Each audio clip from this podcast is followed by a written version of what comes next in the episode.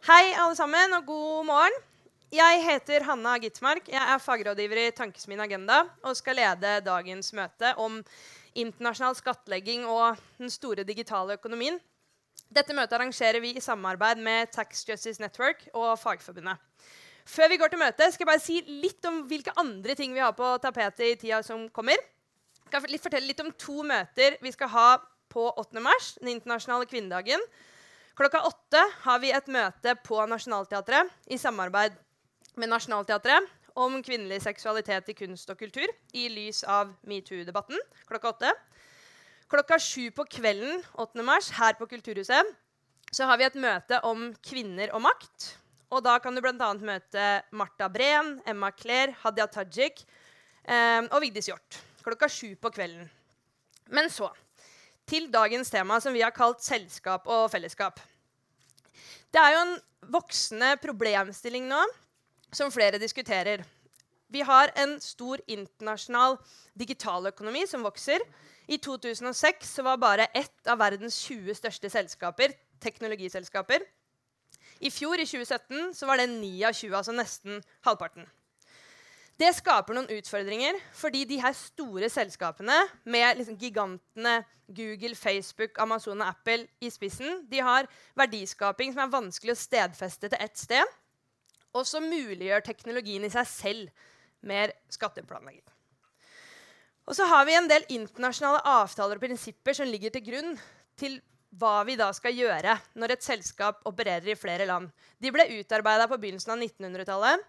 Så er det selvsagt revidert mange ganger, men mange mener at de prinsippene som ligger til grunn for dagens system i dag, ikke passer til dagens virkelighet. Hvordan klarer store multinasjonale selskaper å unngå skatt. Hvorfor gjør det noe? Og hva kan vi gjøre med det? Hva kan Norge gjøre? Hva skal det internasjonale samfunnet gjøre? Det er ting vi skal drøfte i dag. Og selv om vi kanskje ikke klarer å finne en løsning på en time, så håper jeg at alle går hjem litt mer opplyst enn de var før de kom. For å hjelpe oss med det så skal vi først få et krasjkurs i denne problematikken om skatteplanlegging og skatteparadiser. Og det skal vi få av en av de som forsker mest på dette temaet internasjonalt nå. Hennes forskning omtales i aviser som The Economist og Washington Post. Og hun er også Norges første professor i skatteøkonomi. Velkommen til deg, Anette Alsasæter. Tusen takk. Oi, den var høy. Jeg tar et steg tilbake, for selv om det i temaet i dag er eh, teknologiselskaper, så snakker vi ofte om liksom, de slemme, store multinasjonale selskapene. og det er lett å snakke om også de.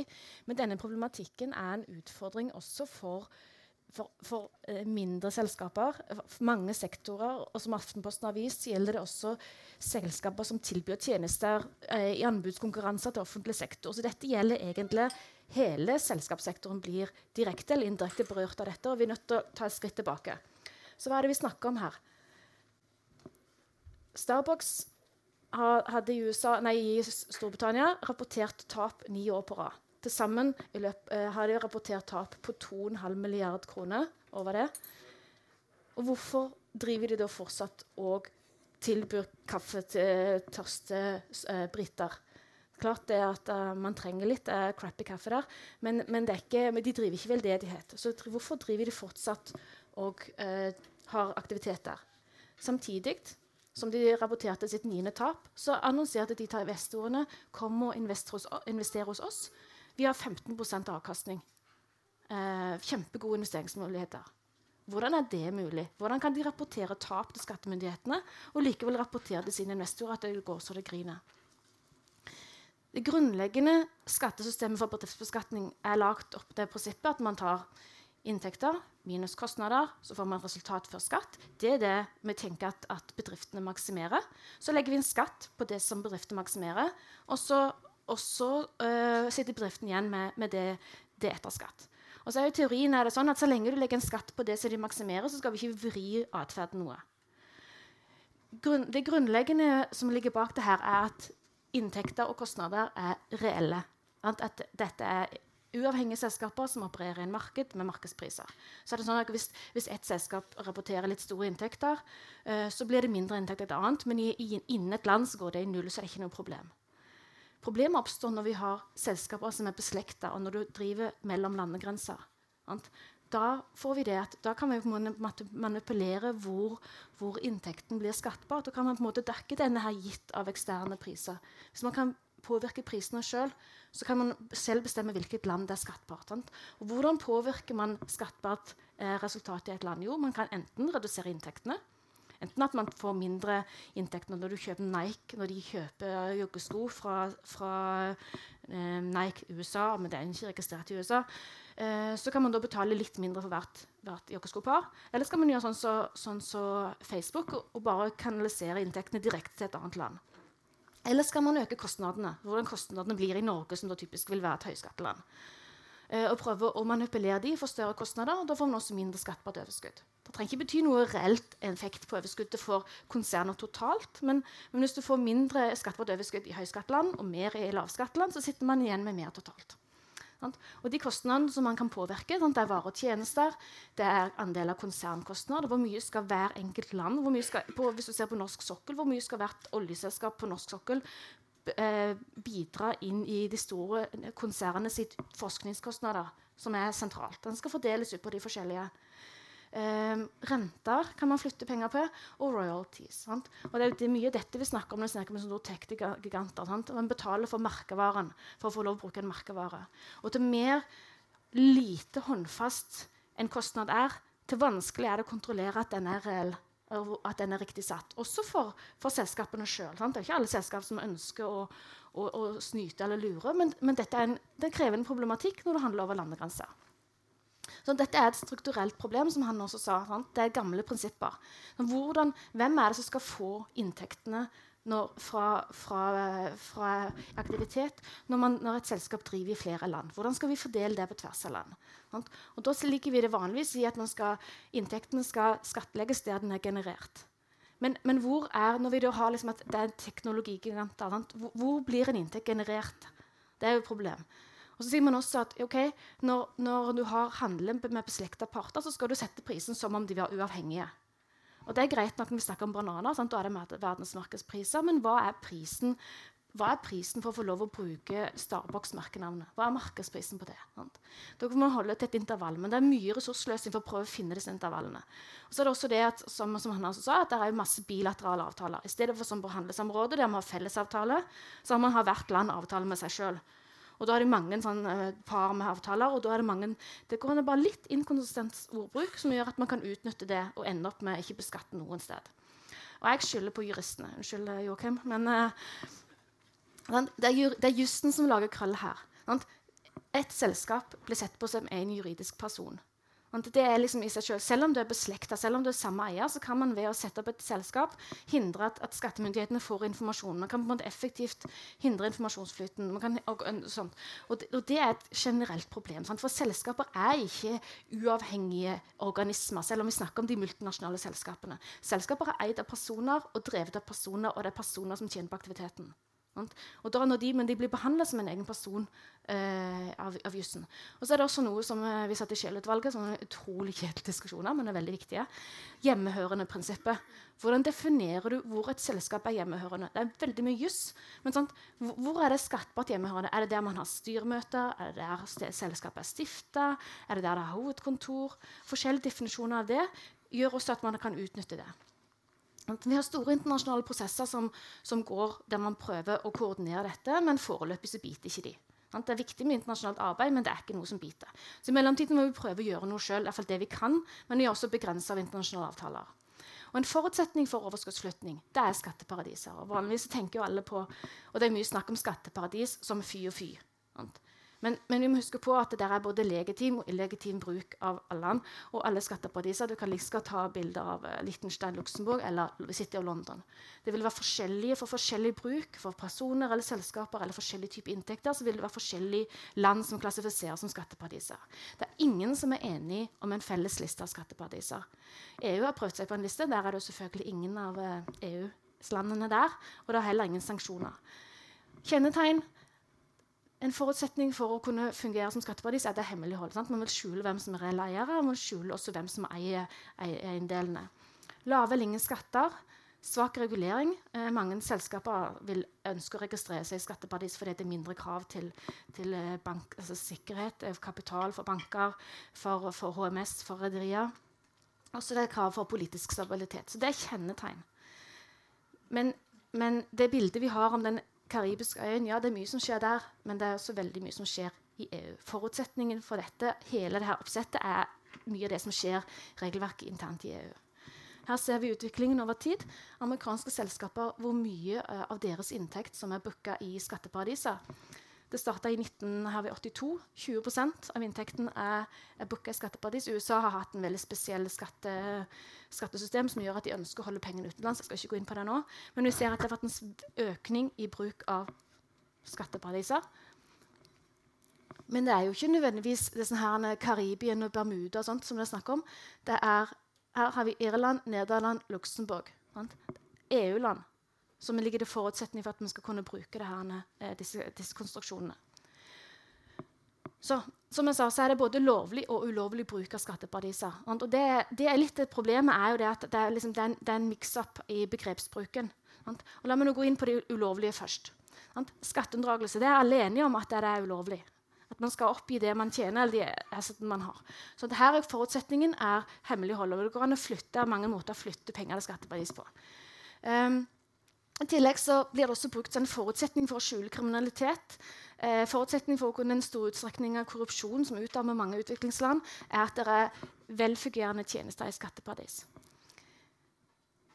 Vi har eh, et ny forskningsprosjekt viser vi det, da ser vi at ser vi Vanligvis sier man okay, det er, de, det, liksom de, det er de selvstendige næringsdrivende som unndrar penger. De rike unndrar ikke. Ved, og, cirka, og, det er sånn Ca. 2,5 av skattbar inntekt blir unndratt hvis man ser på det som blir oppdaga gjennom tilfeldige kontroller over hele befolkningen. Det er ganske likt over befolkningen. Men hvis vi da ser på det, alle de pengene som er skjult i skatteparadiser altså 84 000 milliarder kroner er skjult i skatteparadis av private husholdninger i finansformuer. Så det er et underestimat. Det tilsvarer ca. 12% av verdens BNP. Er skjult i skatteparadiser. Dette er, har vi da vist i et forskningsprosjekt er eid av de aller rikeste. Her har vi rangert alle husholdningene. Dette er de 10 eh, fattigste etter formue. Og her er de 0,01% rikeste. Og det, her, det, her, det er disse som eier formuene. Hvis vi ser på hva det betyr for skatteunndragelse, hvis vi legger sammen det vi vet fra vanlig skatteunndragelse og eh, fra skjulte utenlandsformuer, så er dette summen av total skatteunndragelser. I snitt er det på 3% men de rikeste unndrar eh, 25% av den skatten de skulle ha betalt. Hvorfor snakke om dette? Vi skal snakke om skatteparadiser. Vel, dette, om, dette henger sammen. Det er de rike som eier aksjer. Og, og, selskapene er de som bruker skatteparadiser til lovlig overskuddsflytting. De lever ikke sitt eget liv, de er eid av noen som tjener på det. Så vi er nødt til å se på hele denne bruken sammen. Så kan vi også se på det som er den lovlige bruken. da, som er sagt som lovlig. Sant? Han tilbyr finansielle tjenester. Luxembourg tilbyr mye finansielle tjenester. Men, og, og, selskaper da, som utnytter inkonsistente regelverk mellom land, ender opp med ikke betale skatt noe sted. Eh, multinasjonale selskap genererer 20% av alle bedriftsoverskudd i hele verden. Og halvparten av disse er i, er i skatteparadis. Der du har liten eller ingen skatt. Sant? Dette er store omfang. Um, vanligvis når jeg snakker noen jurister vil si at ja, dette er greit, det er veldig klare skiller på hva som er lovlig og ulovlig. Det, er veldig sånn, For økonomer vil man si, og det er det som er problemet når man snakker om dette moralistisk, er dette er jo lovlig. Det er strukturelle problemer uh, som ligger til grunn for det her. Um, men, men sant, vi ser også at dette, hva som er lovlig eller ulovlig, det endrer seg over tid. At man endrer regelverket. Hva som folk oppfatter som riktig og galt, uh, påvirker også opinionen og regelendringene kommer. Eh, Panama Papers og uh, Paradise Papers viste jo også at disse tjenestene, de lovlige og ulovlige, ble tilbudt til de samme tilbyderne. Sånn at For at dette markedet skal være, så er det en forutsetning å ha noe volum her også. Så dette henger veldig sammen. Vi kan ikke bare se på en liten fraksjon og så si vi må nødt til å ta teknologigigantene. Dette er strukturelle problemer. Overskuddsflytningen skjer internt i EU også. Sant? Her har vi, dette skattesatsene. Her har vi land, jeg ser ikke så veldig godt. Uh, her har vi forskjellige skattesatser. Tyskland eh, taper over 30 av, eh, eh tilsvarende 30% av den bedriftsinntekten de genererer nå, taper de til, eh, av overskuddsflytning. De er de som taper mest i Europa. Så Sverige, Sverige ligger på ca. 15% og Danmark ligger på 10% Vi har ikke tall for Norge.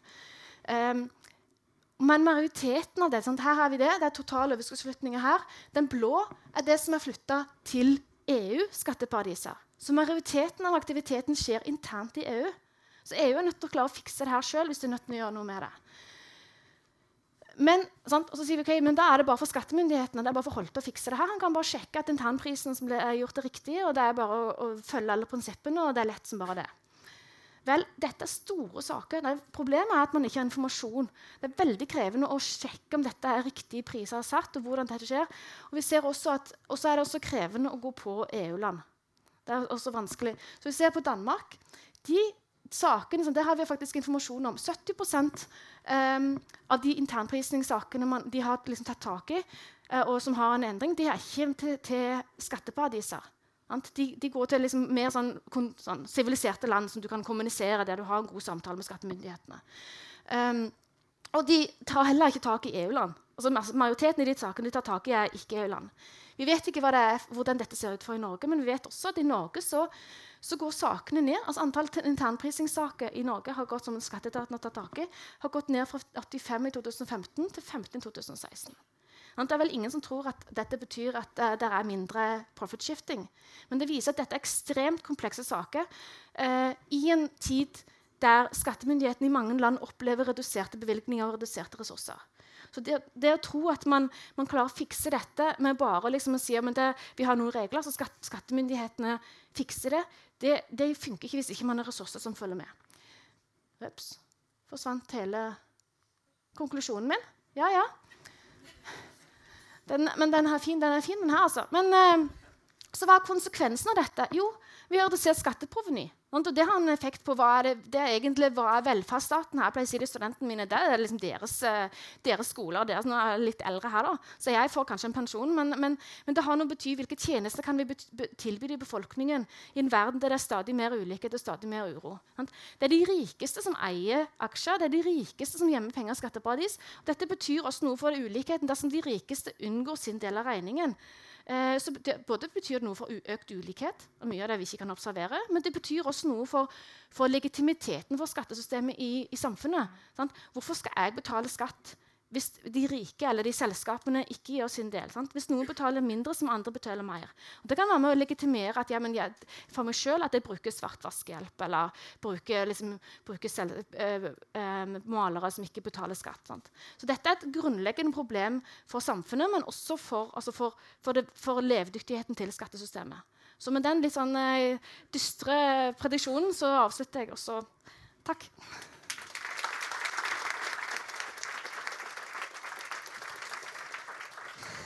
Tusen takk skal du ha, Anette. Da kan du sette deg der. Eh, det var veldig informativt. Nå har Anette hjulpet oss å rydde litt. Men vi skal fortsette å diskutere. Så bra konklusjonen datt ut, så har vi tid til å fortsette å diskutere den. Vi skal få to kloke hoder eh, til opp her i panelet. Den første har sittet sammen med Anette i eh, det regjeringsnedsatte Scheel-utvalget, som leverte sin innstilling i forkant av skattereformen for et par år siden. Han er partner i advokatselskapet BAR og jobber også en del med disse problemstillingene. Velkommen til deg, Joakim Bjerke. Og så skal vi få en person til som også jobber mye med disse problemstillingene. Han har faktisk ansvaret, i fall deler av ansvaret for å følge opp det regelverket vi har. Velkommen til deg, Norges skattedirektør Hans Christian Holte.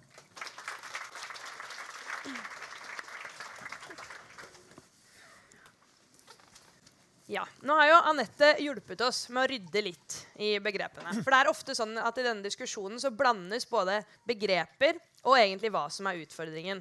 Og Anette oppsummerte litt at det er én utfordring ved at selskapet flytter overskuddet sitt. Så er det en annen utfordring også at selskaper opererer i Norge uten å egentlig være her. Hvordan forholder dere dere til de utfordringene? Det er jo, eh, jeg synes det er veldig fint at Anette dro gjennom dette og på en måte var den store pedagogen her. Eh, så slipper vi andre å, å ta, ta, den rollen. Eh, det er klart at dette er helt grunnleggende utfordringer for skattemyndigheter i Norge og, og alle andre land, egentlig. Og mm, jeg har lyst til å begynne med faktisk Dagens Næringsliv. Jeg Sitter Hver dag om morgenen så sitter jeg på toget eller bussen og samler alderspoeng med en sånn papiravis. Eh, det hender Jeg ser jo her, så tenker jeg kanskje jeg har noen venner her. Kanskje er det andre som Men i hvert fall, eh, dagens, eh, dagens eh, leder syns jeg faktisk eh, har et par ganske viktige poenger. For det tar nettopp opp skatteflukt og, og dette temaet. Eh, og sier bl.a. at dette er jo et mer grunnleggende problem enn teknologiselskapene nå representerer. Sånn, teknologiselskapene er kanskje litt av underteksten på, på dette møtet. Eh, men, eh, men, sånn som vi ser det, så er det noe med at eh, det fundamentale problemet som jeg syns Anette får fint fram, det er at det er, det er grunnleggende utfordringer knyttet til en økende internasjonalisering av økonomien, og det at vi har, vi har nasjonalt skatteregelverk som er lite harmonisert, og som gir muligheter for både overskuddsflytting, for, for kan du si, det som er Eh, både ja, litt mer sånn i gråsone eh, manipulering også av hva som er fast driftssted osv. Disse spørsmålene om hvor man, eh, hvor man hører hjemme. Eh, sånn at det er, eh, det er ikke tvil om at det gir mye hodebry og mye arbeid for oss. Eh, og så setter vi også vår lit til en god del av det som skjer internasjonalt, og som jeg også er aktivt med i. Det, er, det tror jeg helt klart er noe av løsningen. Det er litt sånn optimisme eh, i, eh, i, den lederen som står i dag, og det, det, deler jeg faktisk. Det skjer ting. Ting går, eh, går, litt i riktig retning. Vi skal snakke litt mer om hva som skjer etterpå, men vi skal holde oss litt mer på problemene før vi går til optimismen til slutt. Joakim, hva tror du er det største problemet av de to tingene? Da? At man på en måte har overskuddsflytting og selskaper som f.eks. Google, da, som selger annonser til Norge fra Irland uten det vi kaller da såkalt fast driftssted Norge? Jeg syns det er vanskelig å skille mellom de to. eller si det ene er viktigere enn det andre, for Begge to er veldig viktige. Og de reiser to helt forskjellige problemstillinger. Og som gjør at Man kan ikke ha én løsning som skal uh, ta hånd om begge problemstillingene. Man må se både på internprisingen og overskuddsflyttingen. og Det var jo mye av Scheel-utvalgets eh, forslag. Og man må se på de nye måtene å handle på, hvor man i mye større grad leverer varer direkte fra et sted, eventuelt et ikke-sted eller en sky, ned til forbruker i et eh, enkelt land. Og de reiser to helt forskjellige problemer og, og trenger forskjellige løsninger. Det siste problemet med de nye digitale løsningene krever jo, som, um, som skattedirektøren var innom, nye definisjoner av hvor er man egentlig driver virksomhet, hvor er man skal allokere inntektene. Mm. Men Annette, kan man egentlig kreve av eh, f.eks. Google da, at de skal betale skatt i Norge når de mener at verdiskaping ikke skjer her? Det var et veldig ledende spørsmål. Jeg mener at så lenge, altså Vi har noen prinsipper som, som, som, som styrer hvor, hvor en, en inntekt er skattlagt, hvor skatteplikten er. Og hva Google mener, er egentlig irrelevant for meg. Men problemet er jo at de har mulighet til å, å, å velge det bort. Sant? Og Det er de teknologiske løsningene som gjør altså, altså, Det er mange selskaper som kanskje vil være uenig i at de ikke skal betale så mye skatt i Norge, men de har ikke nødvendigvis så enkelt å velge det bort pga. de teknologiske løsningene som er. Og, og de, vi har en veldig god informasjonsinnhenting til skattemyndighetene i Norge sant? fra banker og alt mulig sånn. Og de er jo hentet inn i den gamle teknologi. Men, det, men, mye av dette handler jo om informasjon. Ja, de mener at det ikke er skattepliktig i Norge, men vi må jo vite. Altså, vi vet jo ikke hvilken inntekt som er generert her, eller hvordan det er. Sant? Så dette handler om at, at, det er mulig å gjemme seg bak selskaper i utlandet. At man ikke klarer å få informasjon inn. og Det er det det handler om. Sant? Hvem er i selskapene? Hvor betaler de skatt? Hvor mye genererer de? og hva er prisen? Det er det som er det grunnleggende problemet hvis du skal få rett skatt. Mm. Um, som du var inne på, så handler det selvfølgelig ikke bare om teknologiselskaper. Jeg synes Bård Bjerkholt i DN i dag også skrev bra om det. Viste til også norske selskaper. Men det handler jo om selskaper som opererer over flere landegrenser. Og ofte så muliggjør jo teknologien til å bli enklere å planlegge. Men bare litt til om teknologiselskaper. Fordi, altså, Jeg nevnte noen tall innledningsvis. Og I 2006 så hadde teknologiselskaper i EU omtrent 7% markedsandel, mens i 2017 så var det 54 um, ehm, Hva tenker dere at det kan ha å si for utviklingen av dette bildet? Tror du det vil påvirke det til det verre, eller tenker du at den problemstillingen uansett på en måte er stor? Altså, det, er en, eh, det, er ikke tvil om at eh, teknologiselskaper altså, tar mer plass i økonomien generelt. Eh, og de har noen egenskaper som gjør at vi trenger å eh, se på altså, behovet for å modernisere den, eh, den lovgivningen vi har. Og, og, modernisere hvordan vi beskatter økonomien, rett og slett. Tenke, tenke litt nytt om det. Og det, det, har, jo, det har vi allerede rukket å snakke om. At det er Eh, det er et, eh, altså dette, disse prinsippene som veldig mye er bygget på i dag, med fysisk tilstedeværelse som på en måte indikasjonen på hvor, hvor merverdi skapes osv., det er noe som, eh, som teknologi, teknologien har utfordret veldig tydelig. og som mange av disse selskapene da vil, vil kunne benytte seg av i, i dagens situasjon. Uh, og Det er klart det ene med teknologi er at uh, det, det, muliggjør uh, en kommunikasjon internt i et internasjonalt selskap på en helt ny måte. Det andre er jo da disse selskapene som rett og slett har teknologi som sin verdi. Som har det som sin og, og en sånn type immateriell verdi som det da veldig ofte er snakk om. Den er vanskelig å liksom gripe og si at den foregår her, den skapes her. Det er noe av, noe av av utfordringen. Jeg tror eh, som spørsmålet blir det verre, blir det bedre. hvordan det er litt sånn type Vi må utvikle oss i takt med økonomien. Vi må, vi må finne de nye løsningene. Eh, det som, eh, det som, vel kanskje er den største utfordringen, da, for å ikke være altfor optimistisk for deg i denne debatten, det er, det er at vi, vi, får en økonomi som grunnleggende sett er internasjonal. Eh, og Det betyr at løsningen på mange måter altså nytter, Vi kan komme et stykke på vei med nasjonal lovgivning, men det er noe med det vi klarer å bli enige om internasjonalt. Eh, og som jo vi vet, sant, uansett hvilket problem vi snakker om, eh, så er det mer komplisert, mer krevende enn det å, å, løse ting gjennom nasjonal lovgivning. Mm. Bare litt til før vi går videre til å snakke om konsekvensene mm, enda mer. Hva er hovedforskjellen på dette med materielle og immaterielle eh, verdier? Det snakkes jo veldig ofte om at det har vært et skift. at Tidligere så hadde selskaper hoveddelen av sine verdier i materielle verdier, mens i dag eh, så er dette i immaterielle verdier. Hva er egentlig eh, det, Joakim? Immaterielle ting er noe du ikke kan ta og føle på.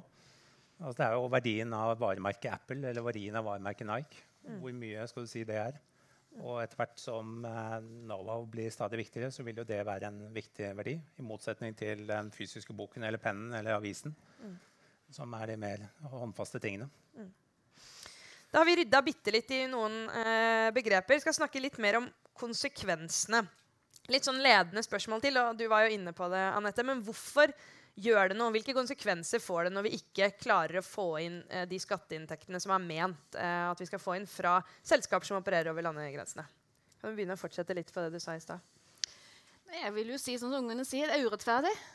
Mm. altså hvis, hvis, vi har bygd opp et system, vi har bygd opp velferdsstater, vi har bygd opp system, og folk skal betale det de skal, altså ikke betale mer skatt enn de skal, men det er regelverket. Hvis noen betaler mindre, så må andre betale mer.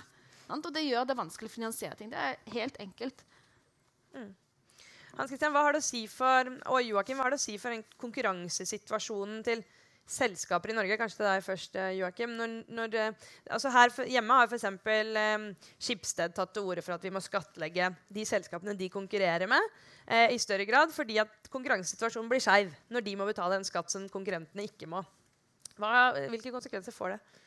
Altså, det er jo egentlig to spørsmål. Det ene er jo er det riktig at Skipsted betaler 23% skatt, og Google eller andre ikke betaler noe skatt? Eller er problemet at Google betaler skatten et annet sted? Hvis du leser årsrapportene til Google, og Apple og andre, så har de ofte en gjennomsnittsskatt eh, oppgitt til å være et sted mellom 23, 24, 25% Altså ikke så langt unna det som er norsk skattesats. Så da er det egentlig kanskje spørsmål nummer to, nemlig allokering. At Norge får ikke så mye av de skatteinntektene som man skulle fått. De havner et annet sted. Og det er jo et av de store problemene med den nye teknologien. som, som holdt å være innom, at Man vet ikke helt hvor er det aktiviteten finner sted. Hvor er det man da skal legge skattleggingen. Så det er mye spørsmål hvor mye er egentlig skatten, og hvordan allokeres den.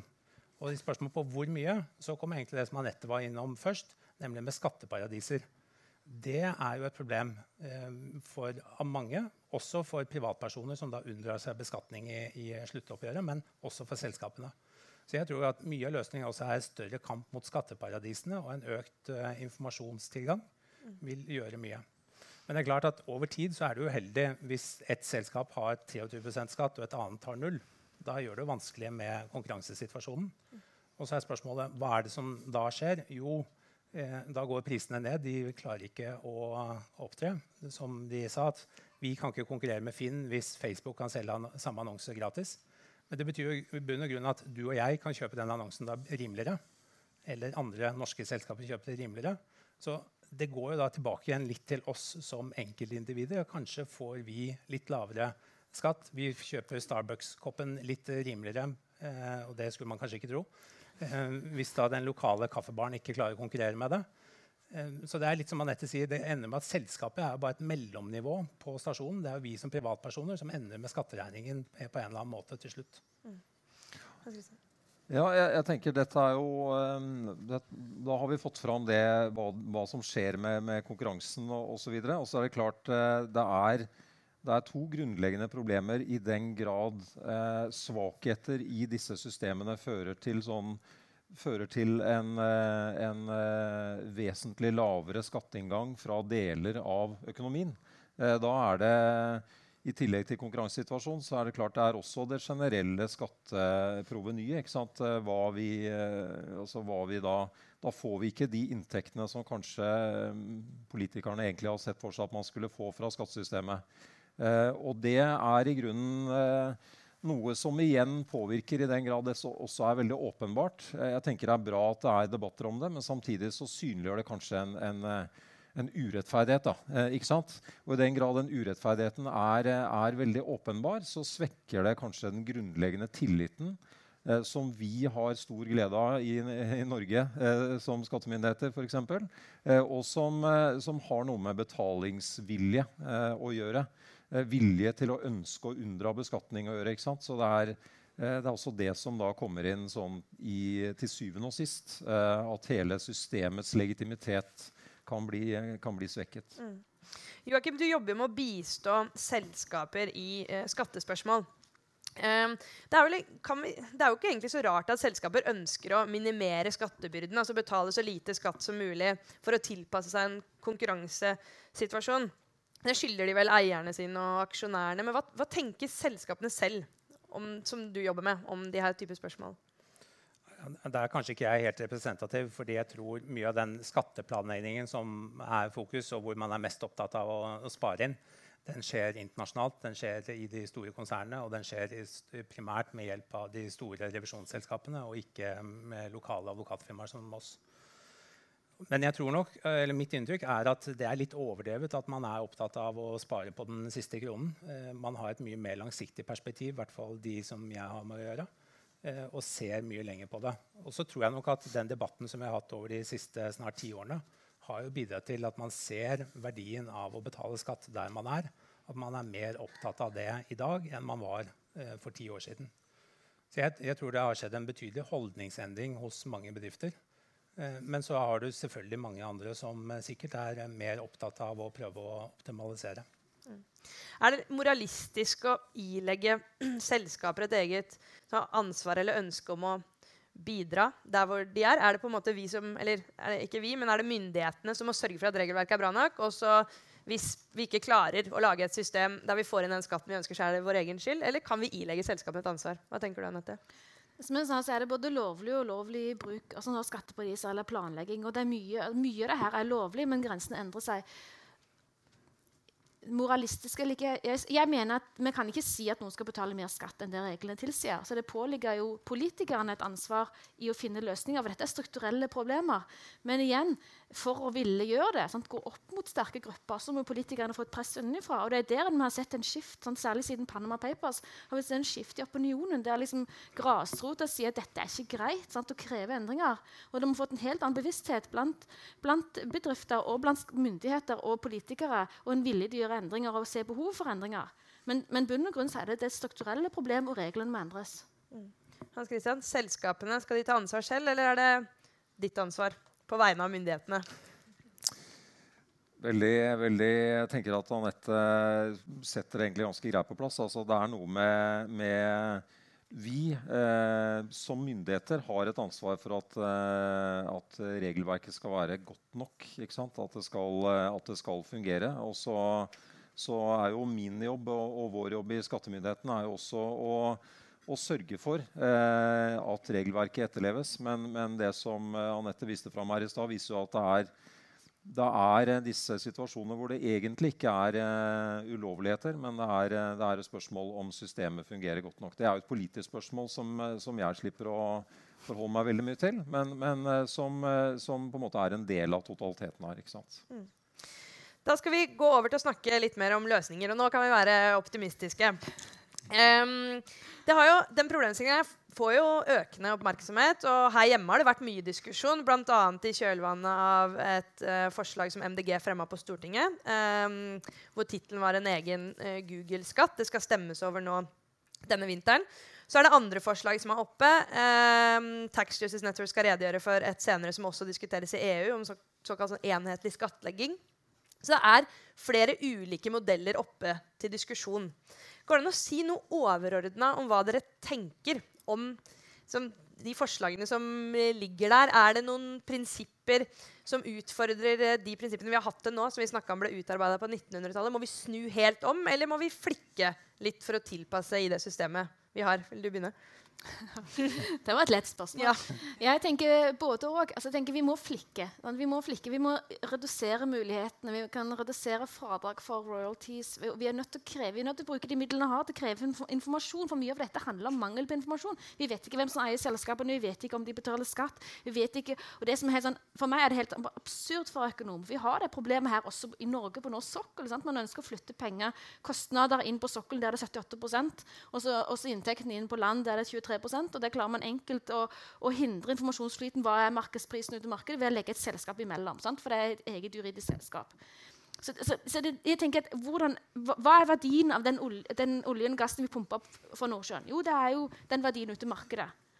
Men når man legger et selskap imellom, så kan det godt være det er verdien som er til et beslekta selskap, og så skal man på en måte beregne noen priser. og sånt. Så jeg tenker at Det å la selskaper få lov til å fortsette å ikke oppgi hva liksom, reell videresalgspris for, for olje og gass, eller å ikke å, å oppgi hvem som er eiere, eller og la selskaper få lov til å vinne anbudskonkurranser på bekostning av selskaper som driver med legitim drift. Og de vinner pga. at de kan ta lavere pris fordi de driver og har lugubre transaksjoner med å kjøpe inn arbeidskraft fra, fra Øst-Europa og driver og tar pengene ut og inn og ender opp med lite overskudd i Norge, men så får eieren det tilbake igjen, som Aftenposten har vist. Altså, hvordan, hvordan, kan vi la det foregå? Jeg tenker at Vi er nødt til å kreve informasjon og kreve at folk betaler skatt, de som er her. Og for å få lov til å levere tjenester til norsk offentlig sektor, så må de betale skatt skatt sant, og dokumentere hvem som eier de. Altså, det er sånne enkle ting vi kan gjøre. Og så har vi alle disse internasjonale modellene som, som, som krever samarbeid, som jeg er veldig mye mer pessimistisk til. For jeg tror ikke det funker hvis ikke alle er med. Og det er mange som insentiver til ikke være med. Det var en lang tale. Du skal få lov å komme med fasiten her. Joakim, hva tenker du? Nei, jeg, jeg, tror også det er spørsmål om både og. Um, og det er litt med tid. Det er noe vi kan gjøre ensidig i Norge med en gang. Vi kan innføre kildeskatt på royalty. Kan du forklare litt kort hvis det går an, hva det er? Kildeskatt på royalty er bare at Hvis man betaler en royalty til et annet land, så holder man igjen et beløp i Norge som man sier skal skattlegges i Norge så er det visse muligheter til å kunne få det tilbake igjen. avhengig av om man driver virksomhet eller ikke, Men det er altså man holder tilbake i Norge, og det blir beskattet i Norge. Og problemet er at Man har fått fradrag i Norge for den samme betalingen. Eh, og Dermed så bør også noe av det skattlegges i Norge. Så Det er noen sånne quick fix som vil redusere noe av problemet, og særlig knyttet til overskuddsflyttingen. Det kan Vi gjøre. Vi kan gjøre noe med vår egen definisjon av virksomhet for å få i større grad at det å være en digital tilstedeværelse i Norge blir skattepliktig i Norge. Det kan vi gjøre noe med. Men på lang sikt så er det de løsningene som f.eks. dette med enhetlig beskatning, at man foretar en fordeling av et konserns inntekter på alle de landene som de opererer i, tror jeg er løsningen. Men det ligger mange år frem i tid. Men absolutt noe man bør jobbe med. Så derfor både og. Noe kortsiktig som vi kan gjøre ensidig her, og noe langsiktig som krever en større internasjonal enighet, og som man bør jobbe frem. Mm. Det du sa om å gjøre selskaper eh, som har virksomhet her, skattepliktige digitale selskaper, hvordan, hvordan kan man gjøre det? Altså, I dag så er jo kravet for at man skal være skattepliktig i Norge, at man må drive en form for virksomhet der. Og virksomhetsbegrepet er i veldig stor grad knyttet opp til om man har en fysisk tilstedeværelse. Um, men spørsmålet er om det ikke er nok hvis du har en webside som er på norsk. At du har en viss omsetning til norske kunder over tid, over et visst nivå, så du ikke tar med den, den enkle småomsetningen. Men ha noen andre terskler som gjør at man blir ansett for å drive virksomhet i Norge. Hans Christian, Det er jo ofte det den debatten her ender i. At noen sier vi kan ikke gjøre noen ting. Vi har masse eh, bilaterale skatteavtaler, vi har EØS-regelverket, og prosessene må foregå i EU eller i OECD. Eh, og så sier andre at nei, Norge bestemmer over Norge, og vi kan gjøre, vi har mange ting vi kan gjøre. Nå har jo både Joakim og Anette pekt på noen av de tingene. Men hva tenker du om det norske handlingsrommet? Også et uh, stort uh, spørsmål. Uh, jeg, jeg, tror jo at det er, ikke, det, er vanskelig å komme utenom både òg, for å si det sånn. Det er, det er noe Norge kan gjøre. og det er ting som må foregå i, i, politiske prosesser, og som for så vidt også gjør det, tenker jeg. og det er en rekke Det er jo interessant å følge med internasjonalt nå, for det skjer mye. Det er på en måte både dette litt mer kanskje langsiktige konsensusbaserte arbeidet som foregår i OECD og, og sant, det løpet der. Og så er det kanskje en litt annen, eh, litt annen eh, tilnærming som f.eks. noen EU-land har, eh, har, tatt i det siste når det gjelder beskatning av teknologiselskaper. Som kan være interessant å se hva kommer ut av, hva kommer ut av de men igjen, dette er ting som, som må løftes godt over mitt hode. Men som er mer snakk om hva, hva ønsker vi politisk sett å gjøre i Norge. Det, det, det, er på en måte den biten. Nå kommer, jo, nå kommer jo OECD med en rapport om digital økonomi i, i, april. og så er det jo meningen at kommisjonen skal utarbeide tiltak på bakgrunn av dette i løpet av året i år. Så det, er, det skjer ting. så OECD er ikke bare sånn eh, langsiktig prateklubb heller. Jeg syns faktisk disse BEPS-tiltakene Man kan, si, man kan liksom, eh, si, mye om det, men, men eh, sånn relativt sett for OECD så har det gått kjempefort. så det er sagt. Så ta med det. Ja. Eh, altså, det har faktisk vært en ganske sånn eh, bra drive og konsensus i det arbeidet sammenligna med veldig mye annet som, som, på en måte løftes opp på det, eh, på det, nivået der. Og det viser jo at det er en det er, en, eh, det er på en måte en, en sånn viss, viss, uh, viss framdrift også samla sett, mm. uh, tenker jeg, internasjonalt. Litt for å holde litt på optimismen. Um, digitale inntektsmodeller og teknologien og sånn, burde ikke det også gjøre det litt enklere å overvåke? Fordi man har digitale inntektsstrøm. Burde ikke gi oss noen muligheter også til å eh, kontrollere bedre? merker jeg skal være litt forsiktig nå. Enklere å overvåke. Det er litt sånn eh, skummel, eh, skummel eh, sånn lissepasning til en skattedirektør, føler jeg. Men, uh, men det er, det er det er klart altså, Jeg tror det er eh, noe med at digitalt kan, eh, kan spores eh, i veldig mange sammenhenger på en bedre måte.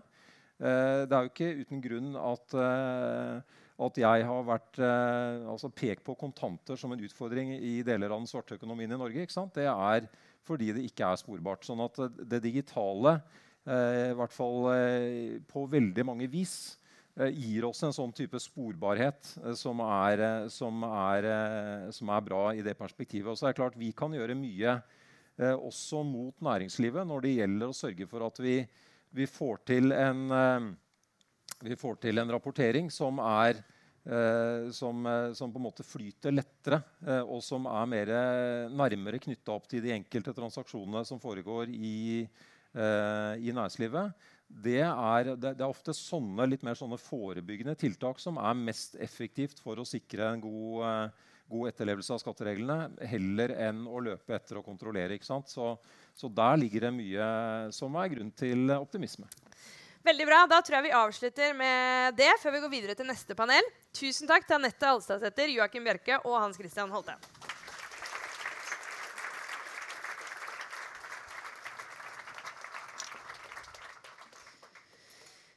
Da, Vi er heldigvis ikke ferdige ennå. Vi skal få to nye kloke hoder opp for å hjelpe oss å diskutere det her med løsningene litt mer. Den første er eh, sjeføkonom i IKT Norge og også har jobba mye med de problemstillingene. Velkommen til deg, Roger Skjerva.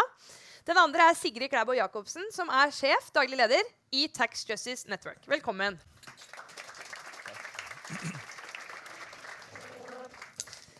Jeg tenkte å begynne med å la dere også fortelle litt hvorfor eh, dere mener, eller om dere mener, da, igjen litt sånn ledende spørsmål, beklager, eh, at multinasjonale selskaper og selskaper som Google og Nike, hva er problemet med at vi ikke får inn den skatten vi mener at de skal betale til Norge? Ja, altså veldig mye av de uh, tingene har jo allerede blitt gått gjennom her. Uh, økt ulikhet eh, og en av de tingene. Og jeg vil vel lyst til å bringe opp et lite tilleggspunkt som ikke har blitt nevnt. da. Og det er jo at veldig mye av den inntektene som, eh, og de produktene som de store selskapene i dag eh, eh, tilbyr, jo, er jo bygd på eh, teknologi som er et resultat av grunnfinansiering finansiert av det offentlige. Altså, ja, Google Maps er bare ett eksempel på det. Så hva skjer da hvis at de da ikke bidrar tilbake igjen? Altså, eh, for da Grunnforskning finansiert av det offentlige er jo da næringslivet avhengig av sjøl. Eh, men også at uh, store selskaper er avhengig av å ha en, eh, en utdanna arbeids, uh, altså arbeidssøkere da, og som har en god helse. Og alt det utdanning og helse er det også noe som offentligheten betaler for. Så sånn sett så er man jo med da på å, hvis man ikke betaler sin skatt, så i siste instans til å sparke beina under de innsatsfaktorene som man er avhengig av for å ha et godt næringsliv. Og hvis man drar det enda lenger, så kan man jo også si at uh, vi står jo overfor en stor klimakrise. Masseforskning trenger man for å løse store globale utfordringer. Hvor står man da? Hvis man da er i en situasjon som man har sett her, at multinasjonale selskaper betaler mindre og mindre skatter. Så det skyter seg selv litt i foten. Ja. Hva tenker du, Roger? Jo, nei, Jeg har alltid vært opptatt av problemstillingen her. Jeg har vært skattepolitiker i et tidligere liv. Og, eh, så det, dette kjenner jeg igjen. Og etter eh, finanskrisen i 2009 så ble det jo litt fart på det internasjonale arbeidet mot dette, og vi begynner å se resultater eh, av det. Eh, så, eh, så det syns jeg er veldig bra. Men som eh, representant for IKT Norge da, så reagerer jeg først og fremst på at dette er veldig urettferdig. For bakgrunnen for dette er, er jo et forslag fra Miljøpartiet De Grønne om å innføre en særskatt på selskaper som har en digital forretningsmodell. For Det grunnleggende problemet her er at flernasjonale selskaper kan utnytte forskjeller i skatteregler mellom land til å minimere skatten sin. Uh, og, og det er, skaper bl.a. urettferdig konkurranse i forhold til selskaper som er nasjonalt baserte. Selv om noen av dem også driver og trikser litt. Til og med 100 statseide selskaper driver og uh, utnytter skattereglene til å minimere uh, skatten sin. Så eh, eh, det syns vi er eh, urettferdig, fordi problemet er mye, mye mer grunnleggende enn som så. Hvorfor skal selskaper som produserer dårlig kaffe og joggesko som er lagd av barnearbeidere, og, og, og usunn brus, hvorfor skal de slippe unna sær, eventuelle særnasjonale regler i forhold til digitale selskaper? Og så er vi jo redd for dette med å ramme selskaper med digitale forretningsmodeller i seg sjøl. fordi nå går jo all virksomhet i Norge over til digitale forretningsmodeller. Så hvordan skal et slikt, eh, et slikt forslag avgrenses? Eh, å si at det bare skal gjelde flernasjonale selskaper, blir ganske krevende. Skipsted har jo en våt drøm om å få en omsetningsavgift som blir så stor at eh, de kan få anno annonseinntektene sine tilbake.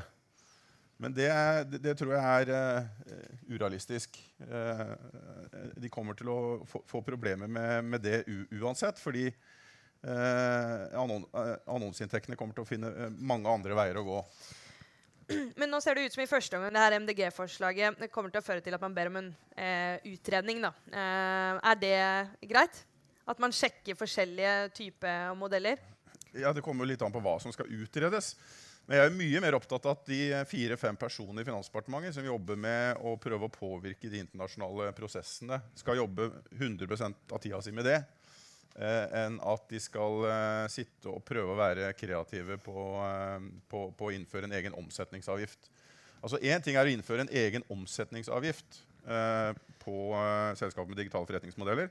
Ja, det er selvskading. Det gjør at det går saktere med å utvikle digitale forretningsmodeller. Så det er økonomisk selvskading, men det er praktisk mulig å gjøre. En annen ting er spørsmålet om overskuddsbeskatning. Eh, vi kan jo ikke regne med at eh, Det er jo kamp mellom landene og hvem som skal skattlegge overskuddet av selskapene. Sist gang Europa rasla med et sånt forslag om eh, å, skattlegge digitale selskaper, så Obama, gikk Obama ut med kraftig kritikk og kalte det for proteksjonisme. Trump vil nok ikke kalle dette for proteksjonisme, fordi det er et positivt ord for han. Men han kommer til å reagere minst like sterkt og mener det er urettferdig for amerikanerne. Så det grunnleggende problemet for Europa er jo at vi har ikke klart å levere en eneste digital plattform som har, som har blitt verdensledende de siste ti årene. Sigrid, ønsket om å mm, skattlegge selskaper, spesielt med digitale inntektsmodeller, kan det bidra til å ødelegge og være selvskading for utvikling av en IKT-næring i Norge? Nei, overhodet ikke. Altså, eh, det at det ligger et forslag på bordet nå, det, det er jo helt fantastisk. Altså, endelig så leder en emning til at Norge skal tørre å tenke sjøl rett og slett, på de her spørsmålene. Til nå så har den rådende oppfatninga vært at ja, ja, men vi bidrar jo inn i OECD. Vi har jo våre fire personer som sender, vi sender ned, og, og, og, jobber intenst på å få utvikla det her. Men, men, det å tro at eh, OECD-landene, som omfatter noen av de største skatteparadisene i verden, kommer til å, å bli enige om en grunnleggende endring av hvordan vi, eh, hvordan vi skattlegger selskaper, det er jo naivt. Og, eh, så, og det vi ser, er jo at pga. at OECD Det er mye bra å si om OECD-tiltakene enkeltvis. Men eh, OECD sjøl anerkjenner at dette er ikke nok. OECD sier at her må enkeltland eh, innføre nasjonale regler. Vi ser at det popper opp løsninger i ulike land som prøver ut ulike ting. Og vil heller snu på det og si at det er en forutsetning for å klare å få på plass internasjonale løsninger, er at du har utprøvde erfaringer å trekke på. Og Land-for-land-rapportering, f.eks., åpenhet i, i selskaper, er jo bare ett eksempel på eh, tiltak som har starta nasjonalt, til og med lokalt. Og fordi det var en så god idé, så ble det tatt opp da og er, blitt, er på vei til å bli internasjonale standarder. Roger, du har jo vært statssekretær i Finansdepartementet. Vil ikke du være enig i at, det, vi har et nasjonalt handlingsrom, at det er lurt å bruke det? Absolutt. Og det er bare tull det Sigrid sier om at ingenting har skjedd. Eh, det har skjedd mye. Ikke at ingenting har skjedd, det, har, det har skjedd mye som bl.a. har ført til at uh, internbankene til Statskraft og Statoil legges ned. Eh, de må betale høyere skatt. Vi har innført uh, begrensninger i rentefradrag for flernasjonale selskaper, som gjør at mer av skattegrunnlaget blir liggende i Norge.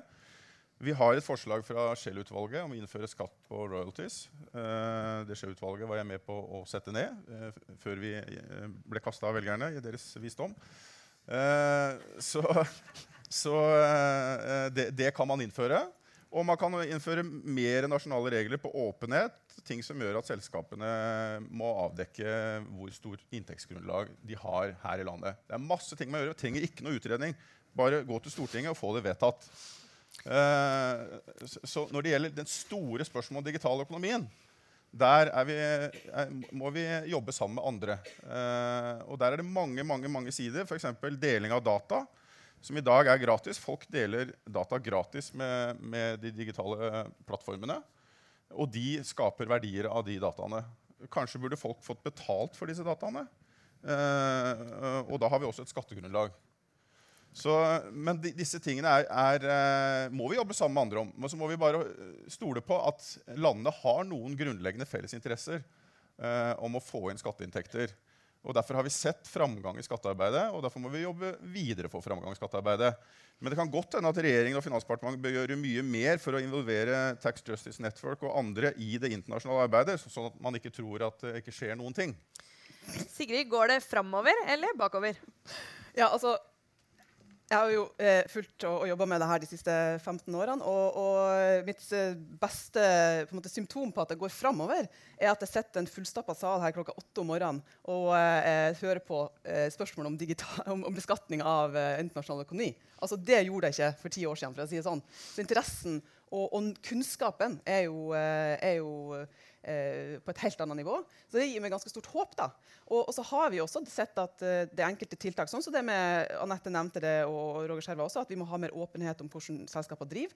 Det var det jo fullstendig motarbeid når, når de forslagene om land-for-land-rapportering kom. Også Finansdepartementet var ikke sånn himla interessert i utgangspunktet. og det, skulle, det, måtte presses på ganske heftig for at det her ble eh, til slutt, og, ja, OECD de gikk jo også ut og sa at dette er, dette er ikke informasjon som trengs, og det er urealistisk. Og så bang, så rulla de ut en, eh, en, løsning for det her. ikke sant? Mm. Og det var pga. at presset ble så stort. Så, eh, så jeg, sånn sett er jeg optimistisk. Mm. En ting, Vi skal ikke gå inn i liksom, mange enkeltforslag, men én modell som dere har tatt til orde for, og som også drøftes i EU, er på en måte å legge om de grunnleggende prinsippene litt fra 1900-tallet. og Det kalles enhetlig skattlegging eller formelbasert beskatning. Det har dere tatt til orde for i en ny rapport. Kan du forklare litt sånn kort eh, hvorfor det eh, er et godt forslag? Ja, altså for i dag så, så driver jo selskapet på den måten at f.eks. tar Google Norge AS et lite selskap. Eh, de, jo, de, tjener jo vanvittig milliarder, ingen vet helt hvor mye, av norske forbrukere. Men eh, tjener veldig lite i Norge. da, Bare noen uh, millioner og betaler nesten ingenting skatt. Samtidig så har du uh, så, så, så, bygges det opp store pengebinger av eh, overskudder i uh, F.eks. så har Apple en eh, pengebinge på Bermuda vel, som er på størrelse av hele økonomien til Finland. Uh, og uh, Grunnen til at man gjør det her, da, at man har klart det her, er at selskapet har uh, innenfor dagens system alle muligheter til å definere og si at ja, men i Norge vi driver ikke med salg her, vi driver bare med markedsføring. Så det har ikke noe å si da, det du betaler. Det, når du drar kortet, så kan pengene forsvinne rett ut til Bermuda. Det har ikke noe med Norge å gjøre. Og, eh, og, og rettighetene kan være eid av et, en postboks på Bermuda, f.eks. Så det enhetlig skattlegging gjør, det at man, man behandler selskapet som én en enhet. Man anerkjenner at alle disse delene i, som selskapet har splitta opp, de er, de er selskapet avhengig av for å kunne generere den totale overskuddet. da. Så skal, tar man heller det totale overskuddet globalt, og så fordeler man det overskuddet til de landene der salgsinntektene skjer, der det er faktiske ansatte som, som produserer det her, eh, eh, og at denne fordelinga skal være eh, gjenstand for politisk institusjon og være politisk bestemt. Da. Og da vil det jo eh, ende opp med en, eh, en helt annen fordeling av, av, av, skatten. Så er problemet kanskje å bli enige om da, hvordan man skal fordele ja, skatten? men egentlig så trenger man heller ikke å være enige alle sammen. Og, det er det ganske mange forskere som etter hvert har, har sett på, er at uh, enkeltland, altså alle lands regler, skatteregler er jo i dag forskjellige. Uh, og, uh, så det er ikke sånn at man har internasjonal enighet om alle skatteregler i dag, og at det er en forutsetning for at, at, vi, at vi, har et næringsliv, eller hva, hva, what have you. Men så, så, enkeltland kan faktisk innføre det, bare at man, man, behandler et selskap i større grad som en enhet. Og, og, der kan man bestemme, og man, Alle land vil ha et insentiv for å ikke rigge de her formelen sånn at den blir ekstremt fordelaktig for en sjøl. For da vet man at da vil selskapene tilpasse seg til andre land. Så man, man får en for, sånn, jeg si, en, man har en ganske stor insentiv for å holde seg ganske sånn ja, Um, Roger, ja, har du en kommentar til ja, det? Uh, forslaget om enhetlig skattlegging fra Tax Justice uh, jo en, uh, jo en, er, viser jo enorme ambisjoner for det internasjonale samarbeidet. For en, Landene må jo da bli enige med fordelingsnøkkel for hvordan inntektene skal fordeles på alle land. Skattegrunnlaget skal fordeles på alle land. Så det krever jo enorm innsats på det internasjonale området. så det Eh, du burde, sikkert, burde egentlig foreslå at Norge hadde skatteambassadør i alle viktige hovedsteder i verden. så vi kunne jobbe for dette, dette forslaget. Nei, Det viktigste for oss det er uh, ikke, ikke innfør særskatt på digitale forretningsmodeller. Flere og flere selskaper går ut til digitale forretningsmodeller. De som allerede har gjort det, de vil eh, oppdatere og fornye den. Og det er den viktigste vekstdriveren i, i norsk økonomi. Det er de digitale forretningsmodellene. Så ikke driv med selvskading med særskatning på den type uh, selskaper. Eh, men gjerne eh, stram inn på skattereglene for flernasjonale selskaper, men gjør det da for alle, og ikke spesielt for digitale forretningsmodeller. Dette forslaget fra Miljøpartiet De Grønne er litt som egen skatt på roboter. Det var også et uh, eh, målretta forslag for å ramme produktivitetsveksten. Og, og, bør egentlig avsløres som et sånn type forslag. Et, et, et vekstfiendtlig forslag. Altså, eh, forslag til hva politikerne skal eh, gjøre videre fra Roger Skjerva. Hva er ditt sånn oppsummerende råd før vi avslutter? Hva Bør politikerne, bør de være mest redd for eh, at de kanskje ilegger en eller annen veksthemmende skatt? Eller bør de være, eh, ikke være så redd for det? Nei, eh, altså Som jeg sa før, det som har vært den største mangelen her på de her områdene, er jo at eh, selskapene har Eh, en vist en ekstrem kreativitet uh, i å, å, rigge seg opp sånn at de ikke betaler skatt. Og, uh, men har, skattesystemene har ikke vært gjenstand for, uh, for den samme typen utviklinger. i det hele tatt. Så det som det står på nå, er jo at enkeltland gjør et selvstendig tenkearbeid på denne type skatt. Og andre land er jo helt avhengig av at enkeltland prøver ut ting, tester ut ting. Og, og, så kan man jo tenke er det ikke da naturlig at det verdens rikeste land på toppen av næringskjeden kanskje også har et ansvar for å gjøre denne type arbeid. Og ikke bare sitte og tenke at nei, men nå, eh, vi sender noen ansatte ned til OECD, og så får de sitte i arbeidsgruppen sin og finne ut av det her litt sånn i nærmest i vakuum. Det, så, så, Norge kan gjøre en masse. Man kan uh, hekte seg opp på det enhetlige skattlegginga som EU holder på med. Man kan tenke sjøl, finne ut nye ting sjøl. Og, og, generelt ta i bruk det eksisterende lovverket og se er det, det er jo elementer av det eksisterende lovverket som tar inn over seg akkurat denne enhetlige tankegangen. Så masse å gjøre. Tenke sjæl. Eh, det tror jeg blir siste ordet i denne debatten. Tusen hjertelig takk skal dere ha. Sigrid Klæbo Jacobsen og Roger Skjerva. Og takk igjen til Hans Christian Holte, Joakim Bjerka og Anette Assesen. Og takk til dere.